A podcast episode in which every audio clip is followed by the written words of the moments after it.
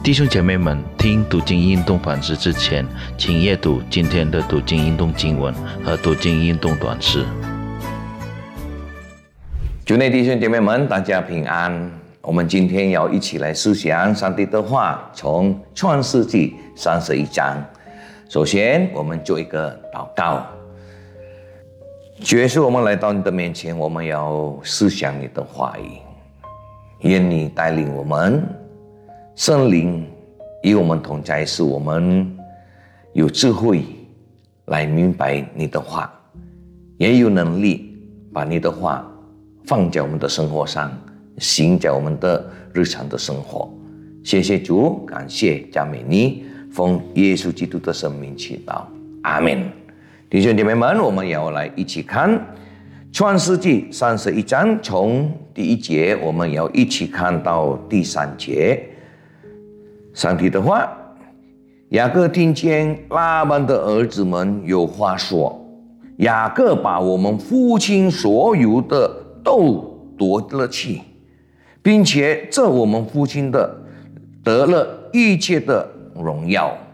第二节，雅各见拉班的气色像他不如从前了。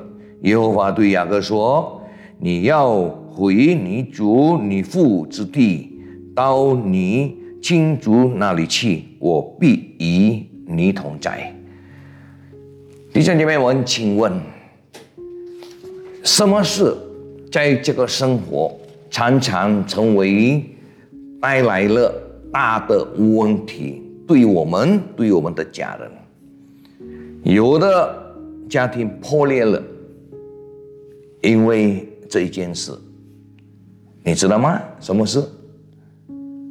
钱、遗产、财产啊！今天我们也如此看，在拉班跟雅各的生活，雅各是拉班的女婿。他的女儿两个呀，已经嫁呃，把拉杰跟利亚已经送了给啊雅各，成为他们的妻啊。弟兄姐妹们，雅各真正的努力，去年在加七年为拉班打工，他已经成为拉班的家中的大大的祝福。那拉雅各要离开拉班的时候，拉班说。你不能离开，你不能离开，你要多少大多少工资？你告诉我。但是你不能离开我，因为什么？因为拉曼知道雅各真正努力工作，成为带来了大大的祝福给他。但是雅各也是真正的努力工作，他已经赚钱了，他也有他的财产。但是亚拉班的儿子们不高兴，呀，妒忌。然后已经说了，要讲坏话。他讲哇，雅各结果已经偷了我们的父亲的钱，把我们的父的所有的已经夺去了。其实不是，其实雅各真正的已经努力努力工作啊！弟兄姐妹们，我们看了，因为这件事，他们呀，拉班跟他的女婿的关系已经破裂了。甚至跟他自己的女儿拉班的妻子呀，拉杰跟利亚已经破裂了，已经破裂了。那，今天这件事也可以见到在许多家庭中。然后我有几个家庭，我知道父母的关跟孩子的关系已经破裂了，妈妈跟孩子的关系。破裂了，因为什么？一直吵，一直吵呀！财产，财产，孩子们呀，孩子们争夺呀，他们已经争夺了这个财产啊，父母留下来的。弟兄姐妹们，对我来说，对我来说呀，其实孩子们，我们没有这个本事，我们没有这个真正的讲哇，父母。应该要留下财产给我们，没有？为什么？父母已经工作，他们真正的努力打工做生意赚的钱是他们的钱，不是我们的钱。我们要钱，我们要自己要努力工作，不是靠父母来的。呀。但是许多孩子们都等待父母给可可以给他们什么钱。呀，甚至有的不公平，有的父母也分了这个财产，也分得不公平。呀，有的变心，重男轻女，所以孩子们也不高兴。呀，吵架，甚至什么呀，带了这个事到法庭去呀。他们告了他们的这个啊父母，弟兄姐妹们，我们成为一个基督徒，我们应该明白，圣经上不会教我们这样做。我们的生活最重要的是什么？是钱吗？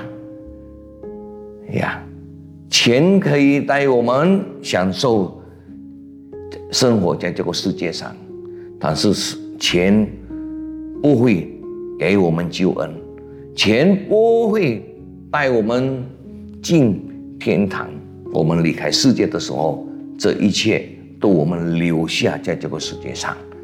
但是救恩，在耶稣基督里的救恩，让，我们得到了这个救恩以后，我们离开世界的时候。我们有永生，因为在约翰福音第三章这六节说：“呀，神爱世人，他赐给我们他的独生子，呀，信他的不至灭亡，反得永生。我们财产钱，我们不能带。我们离开世界的时候。”我们最重要，我们最需要的就是救恩。所以弟兄姐妹们，今天要一起来到上帝的面前。如果我们在这个生活，我们追求的是钱，我们要悔改。我们今天还是在我们庆祝这个华人庆祝中国新年，你看新春。啊，有的家庭聚集在一起吃晚餐，聚集在一起大大喜乐快乐，但是有的家庭不能聚集在一起，为什么？因为他们的关系已经破裂了，已经破裂，他们不能聚集在一起。所以弟兄姐妹们，是不是这个这个坚持值得吗？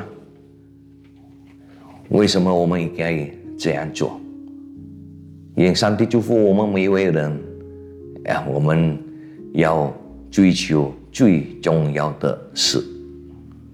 我们一起祷告，亲爱的主，谢谢感谢加美尼，你已经赐给我们最宝贵、最重要、我们最需要的，就是耶稣基督救恩。感谢加美尼，因为我们知道，我们离开这世界的时候，我们最重要的，我们最需要的就是救恩，是我们可以得到永生，我们不会灭亡。谢谢主，感谢加美尼，我们祷告仰望是奉耶稣基督的圣名，阿门。愿上帝祝福我们美味的。